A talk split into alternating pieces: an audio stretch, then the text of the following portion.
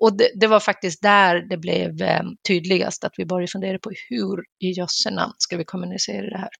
Så det är en av de, eh, de lärdomar. Den som berättar om omorganisationen på brandförsvaret är projektledaren Camilla Åkesson. Hon ger jättemånga bra tips och tankar om vad man ska tänka på när man gör en omorganisation.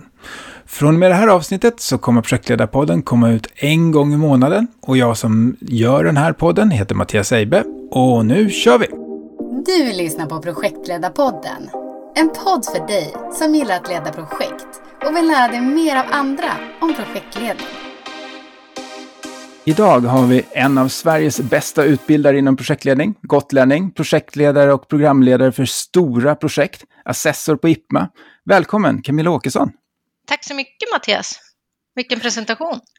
ja, ja, var det någonting jag missade? Nej, det lät bara väldigt bra. Idag så tänkte jag ju att vi skulle ta och gå in på ett specifikt projekt som du har varit med om, nämligen brandförsvaret. Vad var bakgrunden till, till det projektet? Ja, men det var ett politiskt beslut där man fattade beslut om att man skulle slå ihop 11 kommuners räddningstjänst i Stockholms län till en.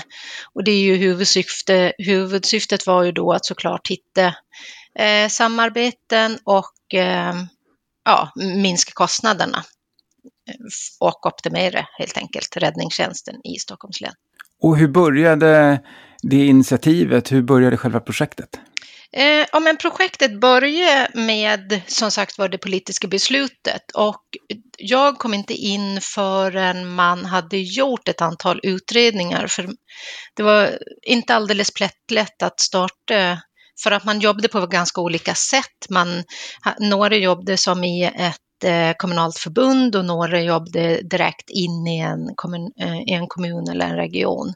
Så dels var det eh, utmaningar rent organisatoriskt hur man skulle få ihop det där, men sen också såklart praktiskt. Så man, gjorde, man startade upp ett antal utredningar där man anlitade olika konsultbolag och det åt upp ganska mycket av tiden. Så att jag kom in när, i maj och den här fusionen skulle vara färdig och brandbilar skulle åka ut med samma logga och samma organisation första, första året efter. Så att jag hade inte så lång tid på mig för att få till det där. Vill du ge lite mer bakgrund kring hur brandförsvaret var organiserat i Stockholm? Eh, man hade då, som sagt det var 11 kommuner som skulle slås ihop. Det var ett, en, ett förbund som hette Södra Roslagens brandförsvarsförbund som eh, var då eh, fyra eller fem kommuner utav de här, jag kommer faktiskt inte ihåg. Och därefter så hade man då Stockholms län, eh, Stockholms kommun, Stockholms stads, som omfattar 12 brandstationer. Så att man hade, och sen var det Nacka. Så att det var, man var både organiserad som ett kommunalt bolag genom eh, SRB och man sen var, eh, sen var det kommunalt ägt så att säga. Brandförsvaret var alltså organiserat så att kommunerna hade ansvar för sina, sitt brandförsvar och sen fanns det även brandförsvarsförbund och de här skulle man försöka föra ihop till en organisation. Är det rätt uppfattat? Yes, precis så var det. Hur börjar man då när man kommer in som projektledare? Vad är det första du gjorde? Ja, alltså det första jag egentligen gjorde var att försöka få grepp om vad man ville få gjort, för det var inte alldeles tydligt. Ifall man ville, en sak till exempel som var väldigt viktigt att ta tag i snabbt, det var att det var i princip ingen i, av personalen, det vill säga brandmän i huvudsak då, som ville det här. Så att det var ett otroligt stort motstånd. Och att genomföra en sån stor förändring med motstånd i princip i hela organisationen var ju någonting som jag förstod att det där behöver vi prioritera. Så att jag la ganska mycket tid på att dels förstå själv vad exakt som skulle hända, vilka effekter det skulle vara för eh, den stora mängden av personalen och eh, ja, men vilka fördelar de skulle få, vilka eventuella förändringar som jag kunde misstänka att de inte gillade att de skulle få. Och det var mycket för att jag, jag själv behövde förstå för att sen kunna förmedla. det la jag mycket tid på i början. Eh, och jag försökte också forma gruppen. Jag hade tidigare jobbat i brandförsvaret så jag hade relativt god insikt och kunskap om brandförsvar, men såklart inte i alla steg. Så att det var också en sån sak, jag behövde få med personal som kunde agera delprojektledare i de här olika, det var ju verkligen, eh, projektet bestod ju ifrån att i princip eh, avtal för att köpa in eh, toapapper till att eh, tvätta slang till att släcka bränder. Så att det var liksom en otrolig bredd.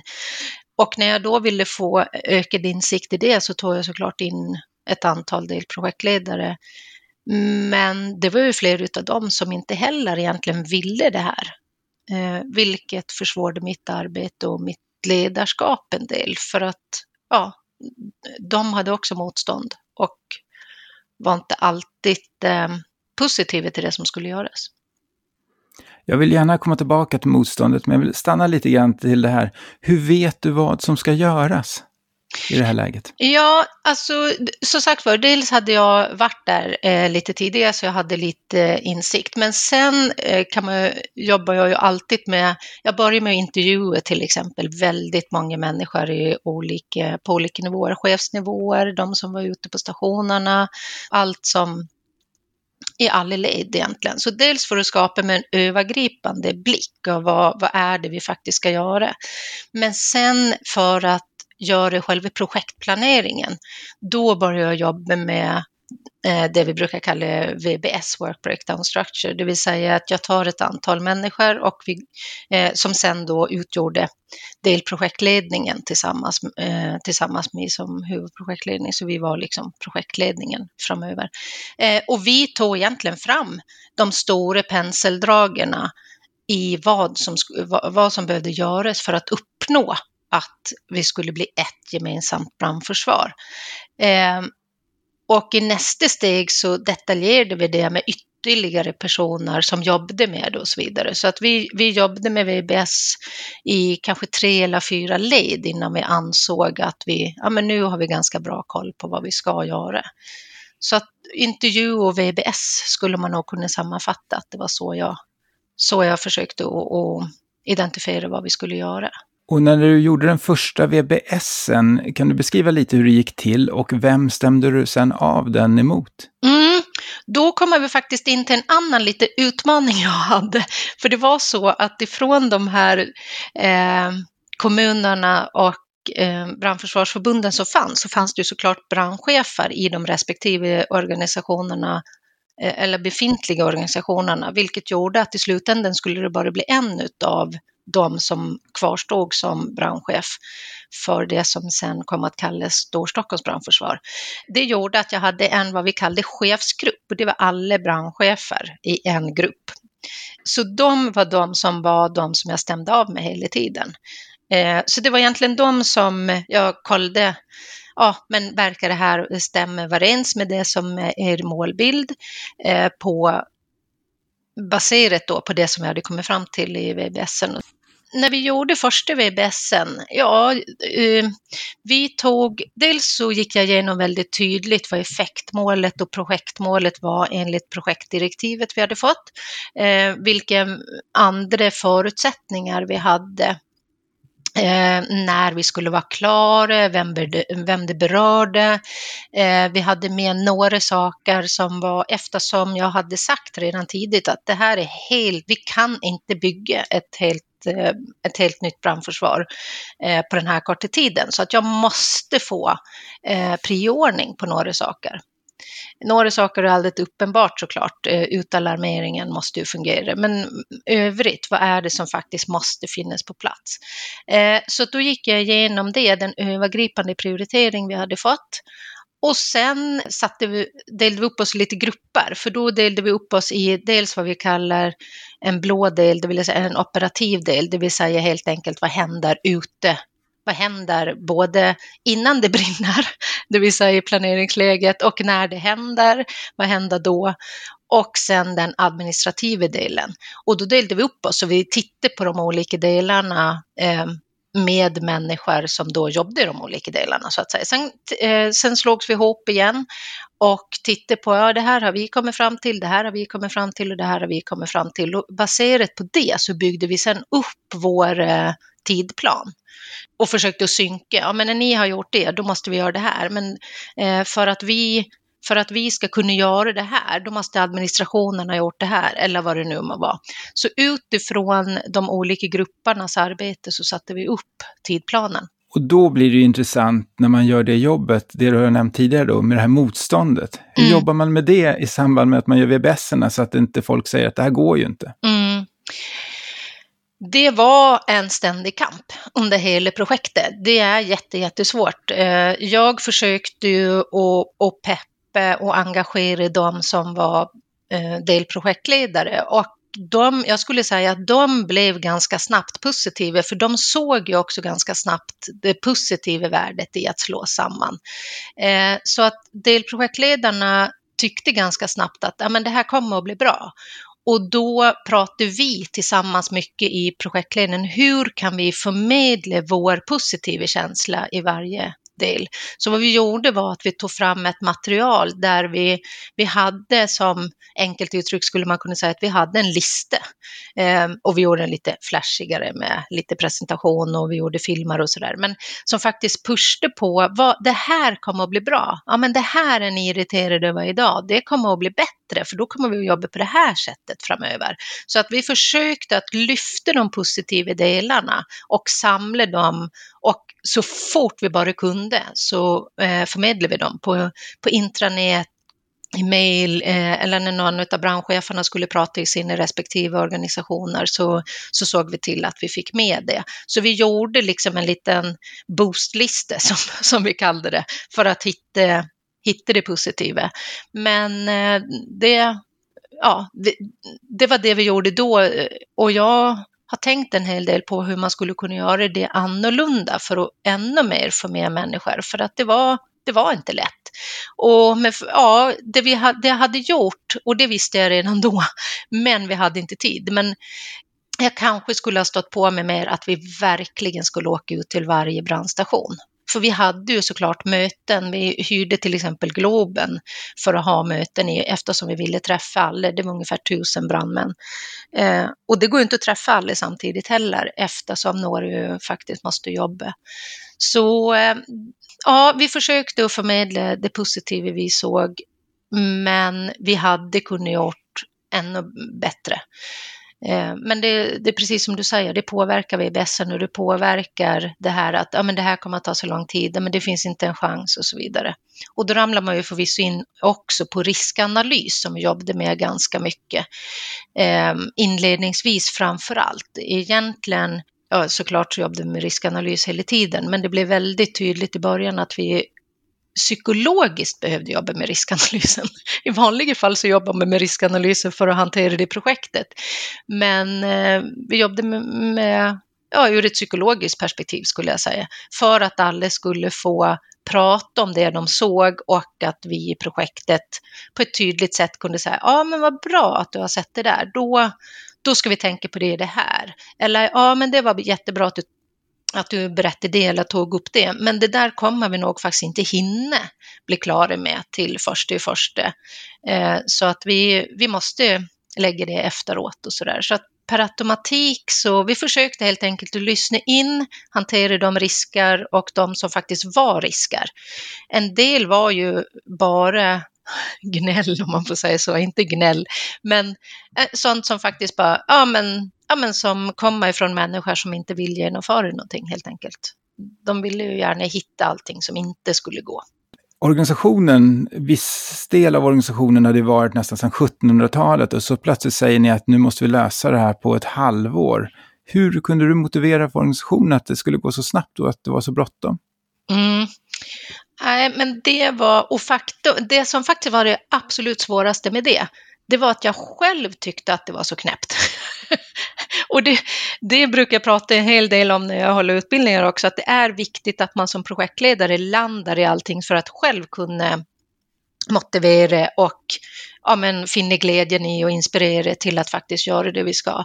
Och just den delen hade jag, jag, ehm, jag jag tyckte själv att det var lite onödigt snabbt och eh, det tyckte ju såklart inte politikerna, för de hade ju fattat beslutet mycket tidigare. De hade fattat det ungefär så att projektet skulle ha två år på sig. Men jag, kom ju, jag fick ju komma in så sent, så att för min del hade jag ju väldigt kort tid på att praktiskt genomföra det.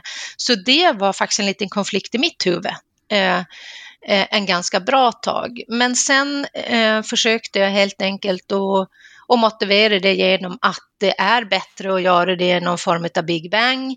Eh, vi behövde titta på olika perspektiv för polisen gjorde om sin struktur, man hade gjort om lite andra strukturer överhuvudtaget, men hela Sverige egentligen det var, det var inledningen, det fortsätter man ju fortfarande med att dela in i regioner, för det här blev ju som ett regionstänk. Så att mycket för att ligga i framkant, mycket för att Eh, till exempel att det var några, någonting, några som jag kom på att jag kunde använda, att det skulle gå snabbare, det var att några som hade det ganska lugnt på sina brandstationer i ytterkanten av länet, de tyckte faktiskt oftast att det var rätt tråkigt. De var lite avundsjuka eller de tyckte det var roligare att få vara på stationer där det hände mer, det vill säga mer inne, inne i citykärnan i Stockholm händer det trots allt mer.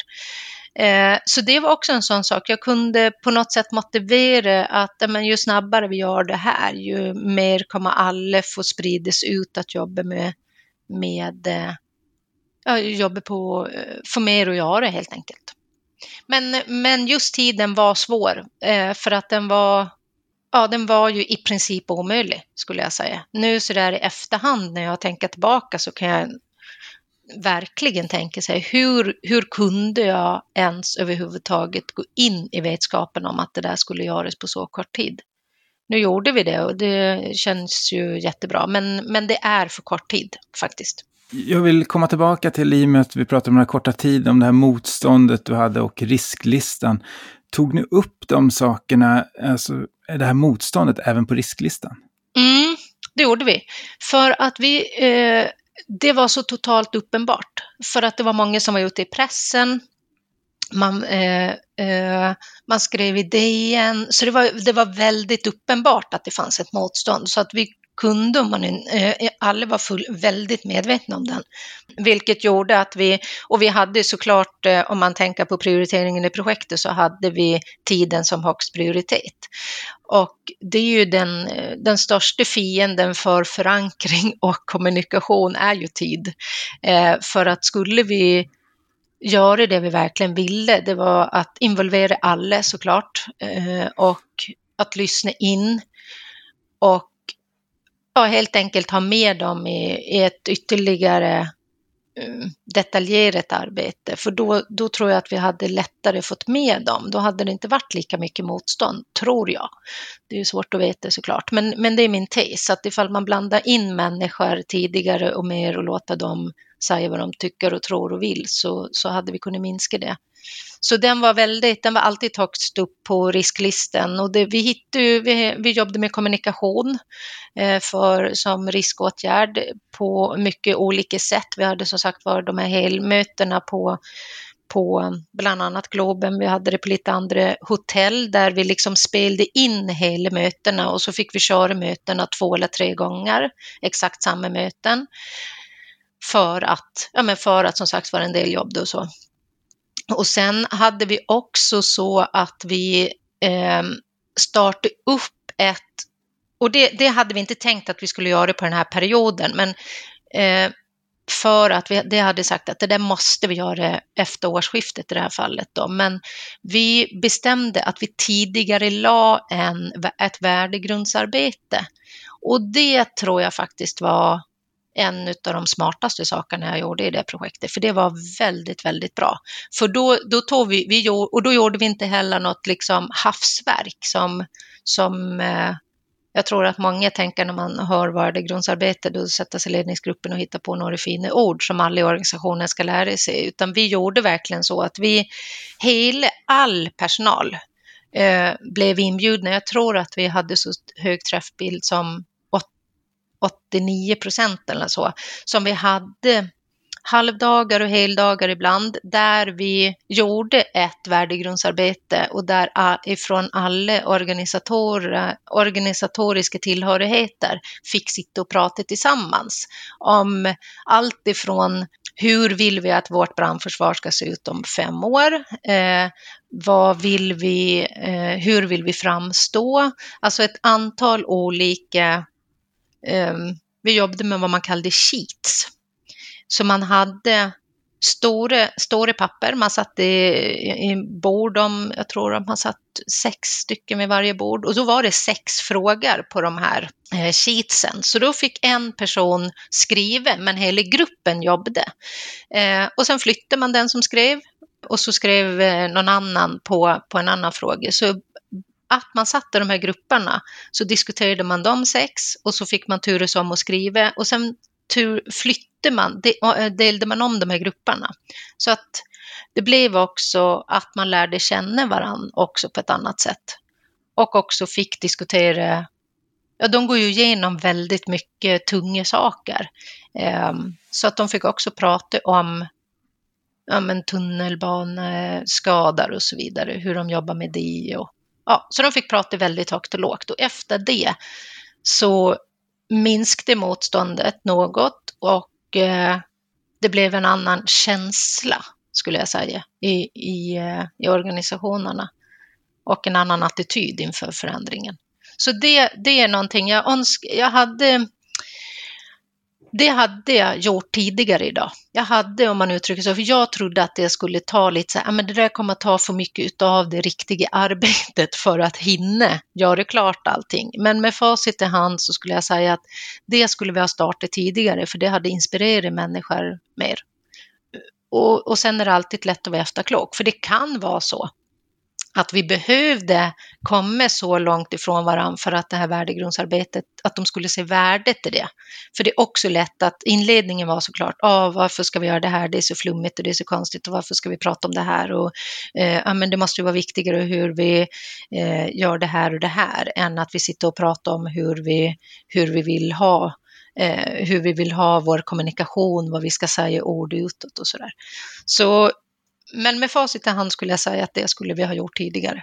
Du nämnde här prio var tid, men nu mm. är vi inne på resurser och Mm. Då onekligen så var ju resurserna väldigt viktiga i det här projektet. Ja, men precis. Och där, eh, det var ju också en utmaning för att de som vi behövde ha med i projektet eh, var ju såklart viktiga i sina respektive organisationer. För det, ska, det som också är bra att tänka på det är att vi i vårt projekt, vi byggde upp den nya organisationen, eh, den nya gemensamma kommunala räddningstjänsten, medans eh, de andra, eh, de befintliga organisationerna skulle ju trappa ner sin, ta bort sin organisation, vilket såklart vi i projektet stått i. Och de individerna som behövde finnas för att stänga ner delarna i sina respektive behövdes också för att byggas upp eh, i den nya. Så vi hade ganska mycket resurskonflikter. Och vi hade också, det är ju också så att rent krast så, och vilket är helt rätt, så, så består ju brandförsvaret eller räddningstjänsten majoriteten utav operativ personal. Vilket betyder att de går på skift. De, eh, det, fokus är ju såklart eh, brand och sen har vi administration eller brand, det är förebyggande brand. Men eh, det gör ju att det är inte någon överflöd av personal och framförallt utmaning i att de jobbade skift. Och det ville de ju fortsätta att göra. Det var ju en av sakerna som vi ville undvika, för det där är ju någonting, har man jobbat skift i så många år och man har tagit anställning i ett företag där man vill jobba skift så, så ville vi inte tvinga dem att börja jobba dagtid i projektet just bara för att det var så mycket motstånd. Så för att gagna dem så ville vi också tillse att de kunde få jobba skift. Och det, det krävdes ju, så vi hade egentligen tidplan, i vår projekttidplan så hade vi liksom dagskiftstidplan och nattskiftstidplan så att säga. Så vissa saker visste vi redan innan att det här kommer vi göra, kommer någon eller några jobba med på natten och det här jobbar några på dagen, vilket gjorde då att vi kunde förvisso gå snabbare fram. Men det var också så att vi, eh, tog längre tid innan vi träffade varandra eller hade möjlighet att prata ihop oss. Så att resurser var en, en knepig fråga. Vi, eh, det var högprioriterat så att vi fick ganska mycket resurser. Däremot så ja, var utmaningen i att vi inte alltid var på samma plats. Och för att eh, om man inte är på samma plats, då är det viktigt att veta vilka mål man har. Hur jobbade ni med effekt och projektmål och vilka hade ni? Vi hade ju, det var en av sakerna som jag identifierade när jag eh, kom in i projektet, att effektmålen apropå det att jag ville väldigt gärna förstå varför man skulle göra det här så att jag kunde kommunicera det. Och effektmålen var faktiskt inte jättetydliga. De var väldigt ekonomiskt satta, vilket inte eh, förvånande eftersom det var ju politiker. De, de hade ju tittat på vad tjänar vi på att slå ihop de här? Och det var ju majoriteten av personalen helt ointresserad av. Så vi, vi tog fram några ytterligare effektmål som mer handlar om, jag kommer faktiskt inte exakt ihåg formuleringarna nu, men de handlar mer om eh, hur, hur mycket effektivare Eh, kan vi bli till exempel vid fotbollsmatcher på Råsunda, som var en stor utmaning då. Det krävdes mycket resurser och eh, eh, det var mycket småbränder, eh, ibland på Råsunda inne, men också runt om. Hur kunde man bli effektivare i det? Hur kunde vi förebygga det på ett bättre sätt? Eh, vi tittade också på hur många liv som kunde räddas genom att vi har optimerat eh, upptagningsområden som man säger emellan kommungränserna. Eh, hur vi kunde hitta arbetssätt på det. Så vi, har, vi försökte hitta effektmål som var mer relaterade till verksamheten, där faktiskt också delprojektledarna var med och satte dem. Eh, det är inte, skulle jag säga, kanske ett optimalt sätt att sätta effektmål, men däremot så vi satte dem då i relaterat till, till de ekonomiska målen, vi stämde av dem med den här chefsgruppen och vi tog det i huvudsak för att kunna helt enkelt eh, kommunicera något annat än rena siffror som absolut inte någon ville ta emot. Och baserat på det så gjorde vi ju sedan våra projektmål. Eh, några projektmål fick vi med oss, till exempel då att en, en, en eh, ny räddningstjänst skulle vara uppe först i första. Men sen hade vi ju såklart fler eh, projektmål knutet till de olika delprojekten. Det var 14 delprojekt och ungefär som max var vi ungefär mellan 200 och 250 projektdeltagare i de här projekten. Då. Så varje delprojektledare hade minst ett delprojektmål. Så de jobbade vi tillsammans fram under tiden vi gjorde VBSen, skulle man enkelt kunna uttrycka det. Men sen fick vi då godkänt utav chefsgruppen för att tillse att vi gick mot det som de, så att vi hade samma bild vad vi skulle göra. Och i det här läget av planeringen så är det lätt att man blir projektet som ska lösa allt. Mm. Hur löste ni det? Nej, men det värsta var, håller på att säga, att vi skulle lösa allt.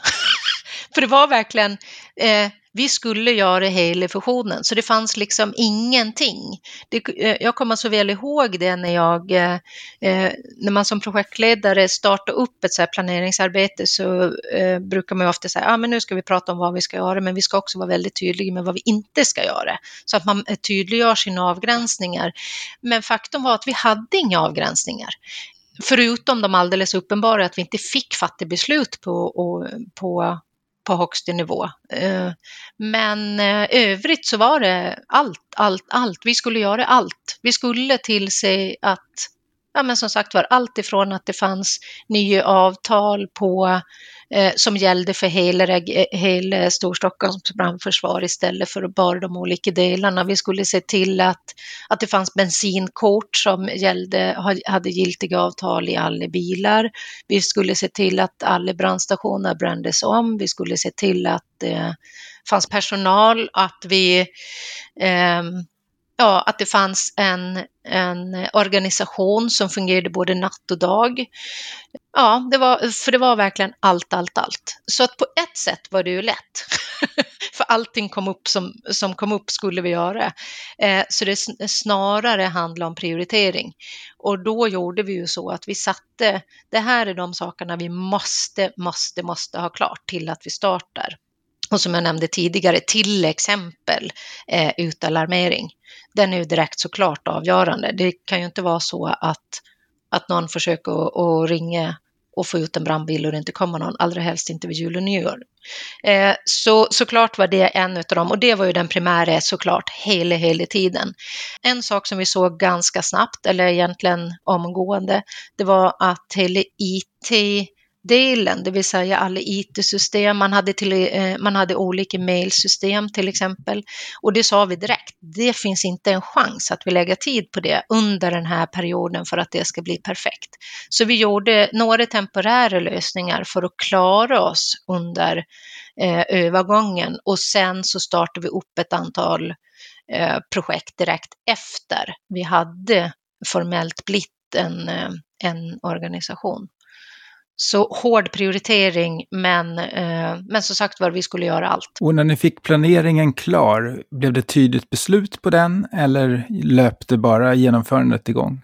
Nej, den, jag såg till att få ett tydligt beslut på den för att det var så, eh, några saker eh, löpte bara på så att säga, men de stora var verkligen, det var ju superviktigt att vi hade en gemensam bild av vad som måste vara klart där eh, första och första, så därför var det jätteviktigt för mig att jag fick ett formellt beslut, dels ifrån den här chefsgruppen, men sen var det också så att eftersom det var som sagt var 11 kommuner så hade ju varje eh, kommun, också kommunalfullmäktige, som utgjorde vad man kallade en interimstyrelse, som då var över själva chefsgruppen, alltså över brandcheferna. Och det var då representanter ifrån respektive kommun, 23 stycken eh, var det i den gruppen. Vilket, eh, och de, de de är såklart inte speciellt insatta i hur brandförsvaret jobbar överlag. De har ju kommunen eh, eh överhuvudtaget så att säga. Så att där var det också en liten utmaning för de, De hade inte kunskap och insikt faktiskt om hur ett vad räddningstjänsten borde göra. Och, där, och det behöver man såklart inte ha, men det kräver ju väldigt mycket av eh, mig som projektledare och brandcheferna att faktiskt hela tiden kommunicera till dem varför vissa saker var viktiga, trots att det blev ett dyrare sätt att göra det. För beslutet var ju som sagt var fattat på att spara pengar i i princip skulle man kunna säga, och öka samarbetet. Men de såg ju mest på pengar, vilket gjorde att eh, vissa saker och vissa prioriteringar blev ju inte alldeles eh, gillade utav dem. Men så av den anledningen så var jag väldigt, väldigt noga med att planeringen var hårt förankrat uppåt. Och när ni då sätter igång genomförandet så har jag bara räknat lite snabbt alla personer du räknar upp här nu och beslutande personer kanske uppåt 30-40 personer och arbetande 250 till 300 personer. Mm. Hur håller du reda på det här? Hur satte ni igång projektet? Mm. Eh, ja, men då gjorde jag så. Dels så eh, jag, jag fick ju ta ett ganska tydligt styrande, eh, en styrande roll och väldigt icke-operativ om man säger så. Jag var väldigt lite operativ. Några av delprojektleden, eller delprojekten ledde jag själv och det var bland annat IT, men den hade vi ju kapat ner ganska hårt så att vi, där var det mer att, att få till liksom gemensam mail och sådär.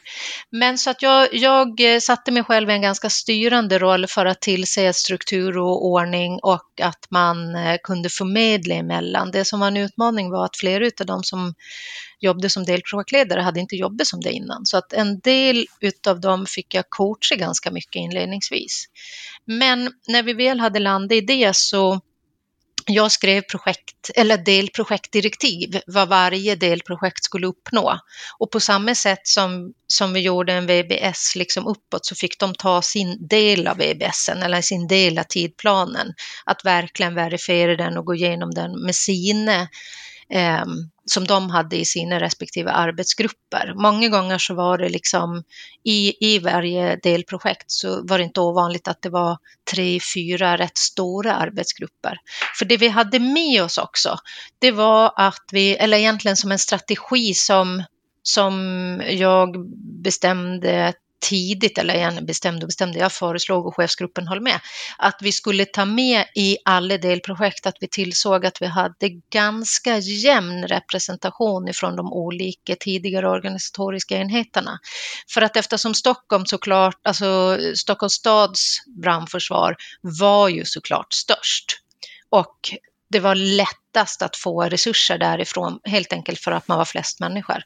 Men ur det perspektivet att eh, de andra kommunerna till viss del kände att ah, nu kommer Stockholm och tar över och vi ska jobba precis precis som Stockholm och, och, så vidare och så vidare, så vill, var det viktigt för mig att vi hade representanter ifrån alla.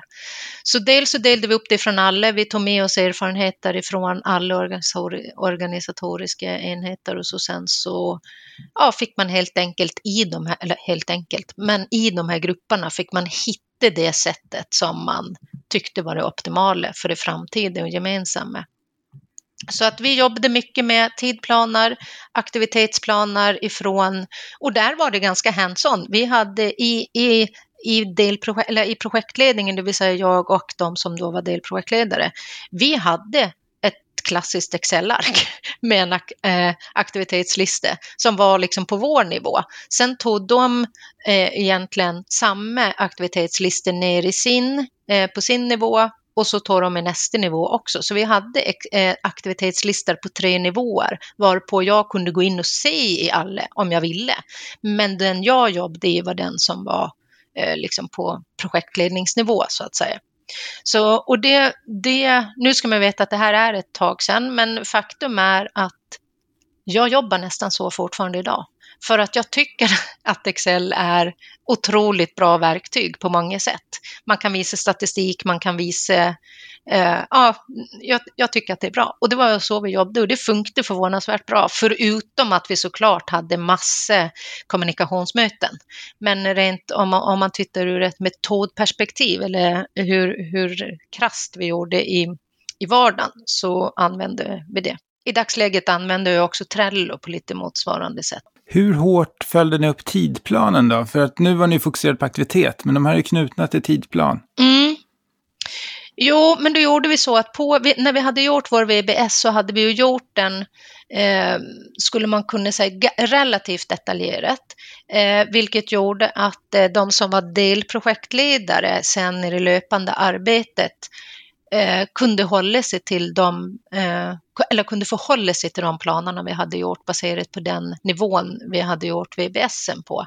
Och den följde jag upp hela tiden på de här delprojektledningsmötena som vi hade.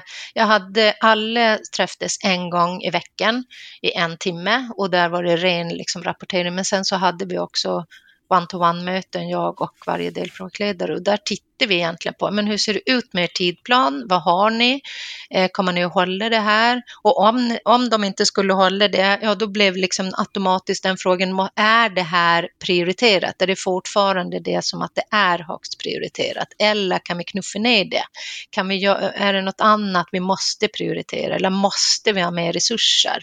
Och då hade jag också tillsett att i chefsgruppen så hade vi tillsatt en chefsgruppen kan man säga hade tillsatt en grupp som bestod av sina respektive ledningsgrupper i de befintliga organisationerna vi skulle slå ihop, som egentligen var där jag kunde ansöka om resurser om jag till exempel saknar en resurs ifrån eh, någon av organisationerna så sa jag men nu behöver vi utöka den här gruppen och jag skulle vilja ha två stycken ifrån den här organisationen och två ifrån den här.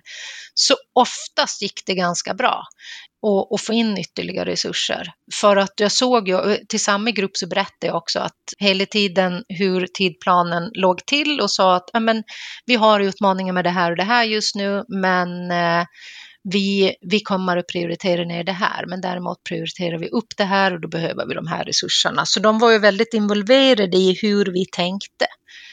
Och vi skickade också ut eh, så klassisk eh, vecko, veckobrev från projektet till, ja, till hela organisationen såklart. Och där eh, kommunicerade vi ju hela tiden vår tidplan och hur vi tänkte och hur vi prioriterade och så.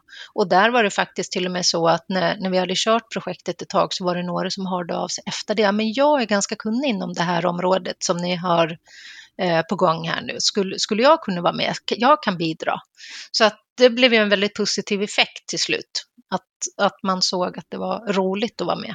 För till slut var det faktiskt dit vi kom, att det var många som tyckte det var roligt att vara med i projektet, att man fick jobba på ett annorlunda sätt och sådär. Du nämnde ju risklistan i början, vi pratade om utmaningar. Jobbar ni med både risklista och utmaningar i delprojekten? Eh, ja, nej, den som vi eh, praktiskt jobbade med kan man säga var risklistan.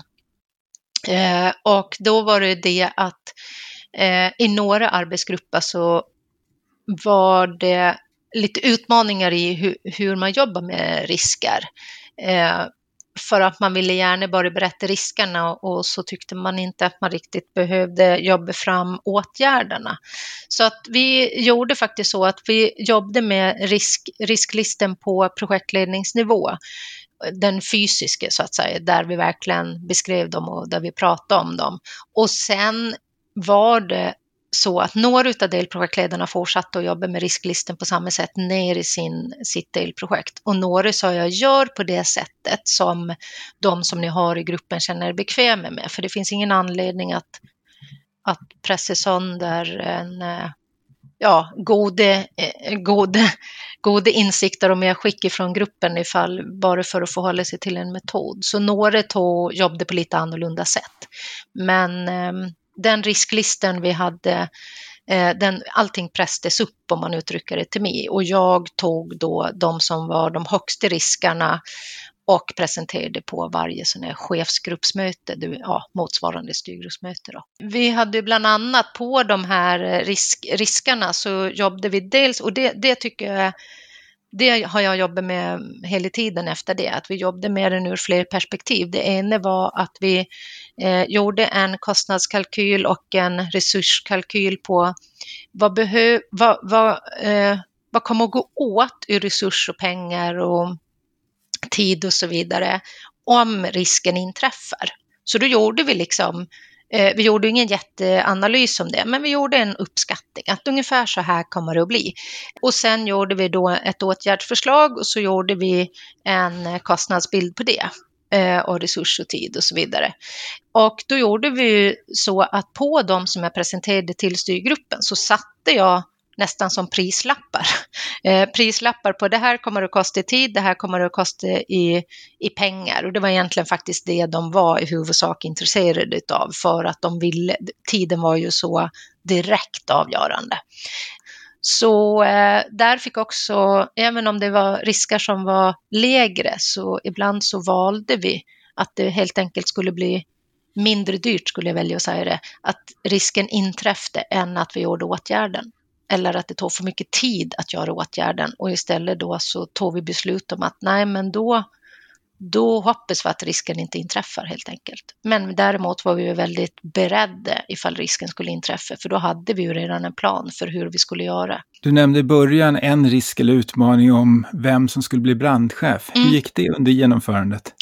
Ja, men det var lite blandat för det, det hände under hela det här projektet så var det ju också jag vet inte om man ska kalla det politiskt spel, men det var ju liksom, det var ju politiken skulle ju tillsätta den här enda brandchefen och eh, biträdande då till den nya organisationen. Så att det pågick helt enkelt rekrytering och intervjuer och ja, eh, under, under hela vår projekttid. Det pågick ju utanför det vi gjorde så att säga, vilket jag såklart märkte av i den här chefsgruppen. Nu var det inte på något sätt så att de blev ovänner eller var otrevliga mot varandra eller så det var inte dålig stämning utan de var, alla hade insikt i det och de var eh, de var okej okay med den situationen.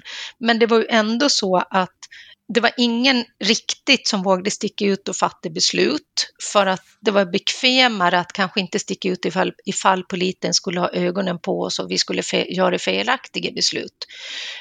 Och man var väldigt eh, korrekt, om man uttrycker det så, för att man helt enkelt ville, ja man ville ju ha den positionen. Så det gjorde ju att jag, eh, många gånger fick jag icke-beslut skulle jag säga. Så ganska tidigt så gjorde jag så att jag var väldigt tydlig i mina rekommendationer till beslut. Att, eh, och det här är också någonting som jag jobbar med alltid nu. Eh, dels såklart tydlig rekommendation och och varför jag eh, valde att rekommendera just det och så vidare. Det, det klassiska så att säga. Men jag var också väldigt tydlig med att det här beslutet måste jag ha antingen idag på mötet eller som senast det här datumet. För att annars så, ja, bla bla, vad som då händer. Vad blir konsekvensen av ett uteblivet beslut så att säga?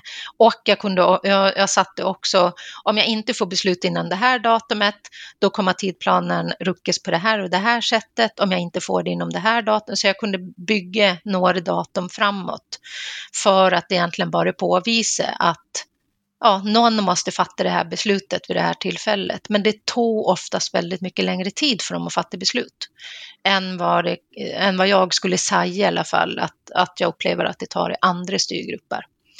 Eh, och det var som sagt var inte att de var eh, inte beslutsbenägna utan det var omständigheterna för dem. Det var, ja, det, det var ju en ganska svår situation för de som var brandchefer skulle jag säga. Och när det då var genomfört projektet och du hade fått de beslut du hade velat ha. Hur avslutades det hela?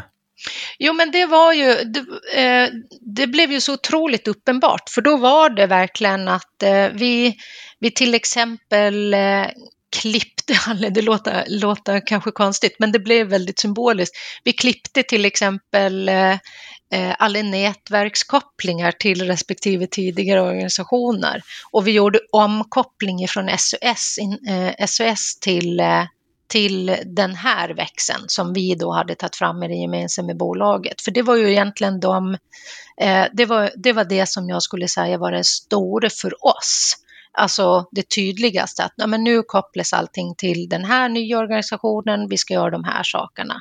Det som kanske blev det tydligaste utåt, det är att vi tog ju också fram en ny eh, logga.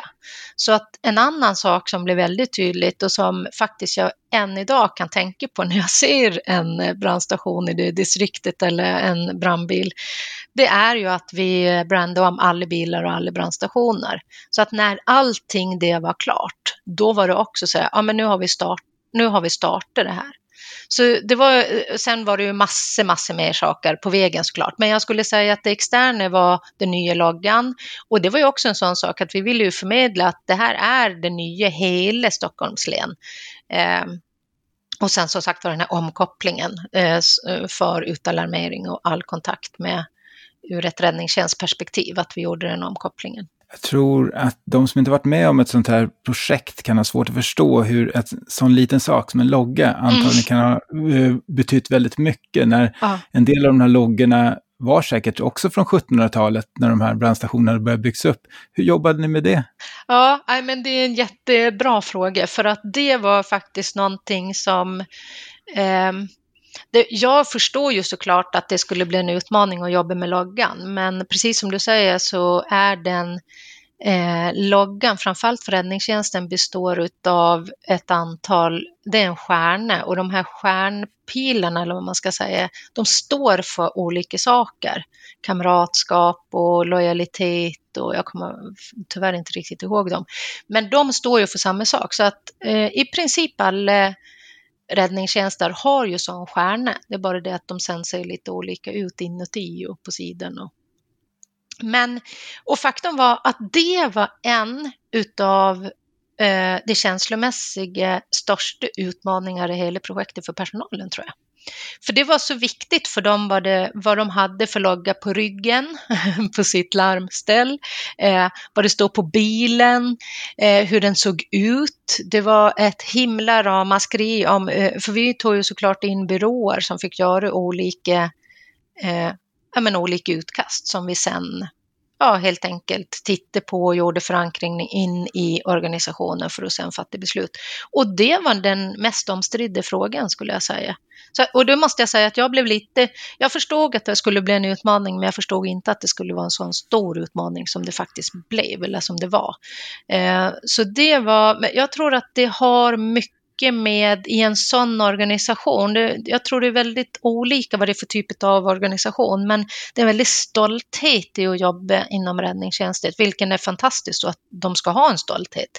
Men det gör också att den här loggan är så starkt förknippet som en identitet. Liksom. Så att jag tror att det det blev svårt. Men fördelen var, för det var också en sak som vi pratade om, att eh, vi ville inte bibehålla en av de befintliga, utan vi ville ta fram en ny, just med tanke på att inte några skulle känna att de gick in i, en, i, i, i något, något befintligt, utan alla skulle eh, känna att, att, eh, att det var nytt, så att säga. Så att det tog faktiskt, eh, det, det var en väldigt omstridd diskussion och det var när vi väl hade eh, tagit fram den och så, så, så tror jag nu att man accepterar den. Men det tog många år tror jag, innan man var okej okay med den. Och när man tittar tillbaka på helheten, och det här är alltid en liten känslig fråga, hur gick projektet? Så att jag säger den så här, eh, hur tycker du att projektet gick? Mm. Ja, men överlag måste jag säga att det gick bra på det sättet att det var inget som helst. Vi hade inga som helst problem eller utmaningar med den här överkopplingen. Och som sagt var, det absolut viktigaste var ju att vi kunde larma ut och att allt det fungerade. Och det, var, det, var, det gick helt smärtfritt. Det fanns ingenting knutet till det. Eh, så, och vi höll budgeten. Eh, och vi, ja men tiden håller vi och kvaliteten håller vi på det, det vi levererade, om man uttrycker det så. Men däremot så var det mycket saker som vi la på prio som vi gjorde efter. Eh, till exempel bytte ut hela infrastrukturen och IT-plattform och så vidare. Men jag skulle säga att projektet gick bra. Jag eh, med facit i hand, så det som jag hade gjort annorlunda är till exempel att tillse att Eh, de här de jobbar med räddningstjänst och det är det de är bra på, vilket gör att som sagt var delprojektledningen och chefsgruppen och faktiskt även interimsstyrelsen hade eh, det hade varit bra om jag hade tagit lite på mig att faktiskt berätta lite om projektarbete. Så att eh, lite förväntningar, vilka förväntningar har vi på de olika delarna i projektet. Alltså vad ansvarar faktiskt en styrgrupp för, vad ansvarar projektledaren för, vad ansvarar eh, sponsor för och så vidare och eh, delprojektledare och så vidare. Eh, vilka förväntningar jag hade och en kanske lite miniutbildning på hur man faktiskt jobbar i projekt. För de, de var ju jättebra på det de gjorde, men projekt hade de ju inte jobbat så mycket i på det sättet. Och framförallt inte så här stort. Det här var ju ett jättestort projekt. Så ja, nej men eh, jag skulle säga att det var lyckat ur perspektivet på pappret. Jag tror att många som är anställda där idag tycker att det blev bra. Jag tror att de första åren därefter, precis när man hade startat igång, så tror jag inte att man var helt nöjd, utan då ville man, det tog tid liksom. Och det är inget konstigt att det tar tid, för det är, vi människor jobbar ju så med förändring. Det måste ta tid och vi måste känna att vi mår bra i det.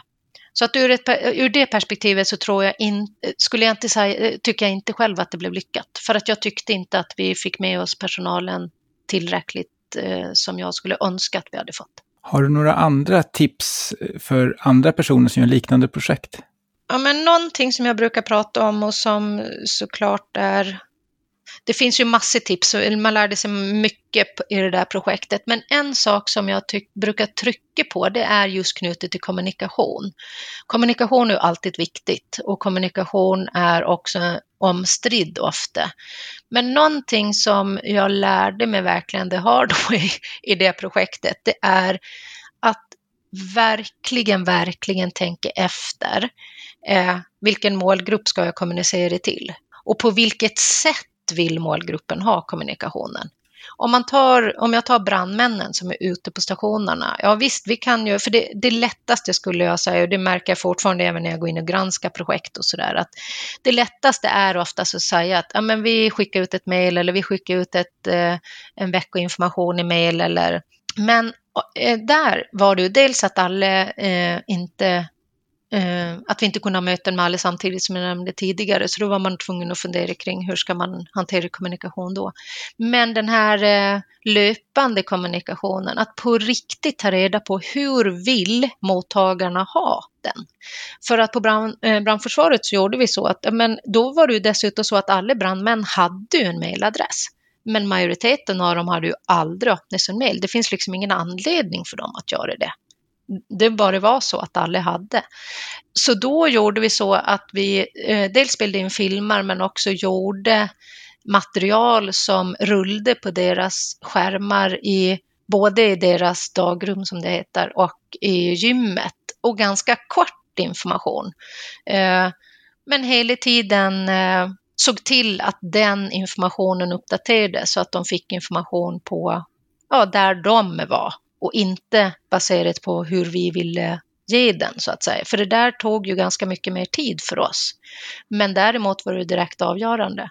En av sakerna till exempel som var väldigt viktigt hur vi kommunicerade, det var att för, eftersom det var en helt ny organisation så var man tvungen att säga upp all personal ifrån de befintliga för att sedan återanställa dem.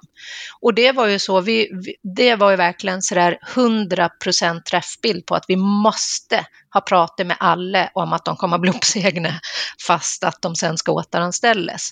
Och det, det var faktiskt där det blev eh, tydligast att vi började fundera på hur i jösse namn ska vi kommunicera det här. Så det är en av de, eh, de lärdomar jag faktiskt tar med mig allra mest. Det är vikten av att fråga och verkligen fundera över hur man ska kommunicera och sen också vem som kommunicerar. För att i vissa fall så eh, skulle, eh, var det absolut jag som projektledare som skulle kommunicera, men det är också viktigt att fundera på, kommer de att lyssna på mig? Jag hade ingen i deras ögon någon brandkunskap så att säga, eller räddningstjänstkunskap. Men då kanske det var bättre att någon av delprojektledarna förmedlar vissa saker, eller chefsgruppen såklart. Men det är också viktigt att fundera på vilk, vilken, eh, vilken av oss kommer de ha mest förtroende för och vilken kommer de mest lyssna på när man kommunicerar. Så kommunikation var väl, det tog väldigt, väldigt stor del utav det projektet. Så det, det det är nog den absolut största lärdomen jag drog tror jag. Tack. Jätteintressant att få höra hur ett riktigt projekt går till. Gediget hantverk, kanske inte alltid följer exakt alla metoder, men man vet exakt vad man behöver göra och inse också att kommunikation är väldigt, väldigt viktigt i alla förändringsprojekt. Stort tack Camilla! Tack! Tack för att du har lyssnat på Projektledarpodden. Hör gärna av dig till oss med idéer, tips och förbättringsförslag. Det gör du enklast via mejl på lyssnare projektledarpodden.se eller vid det sociala nätverk du föredrar.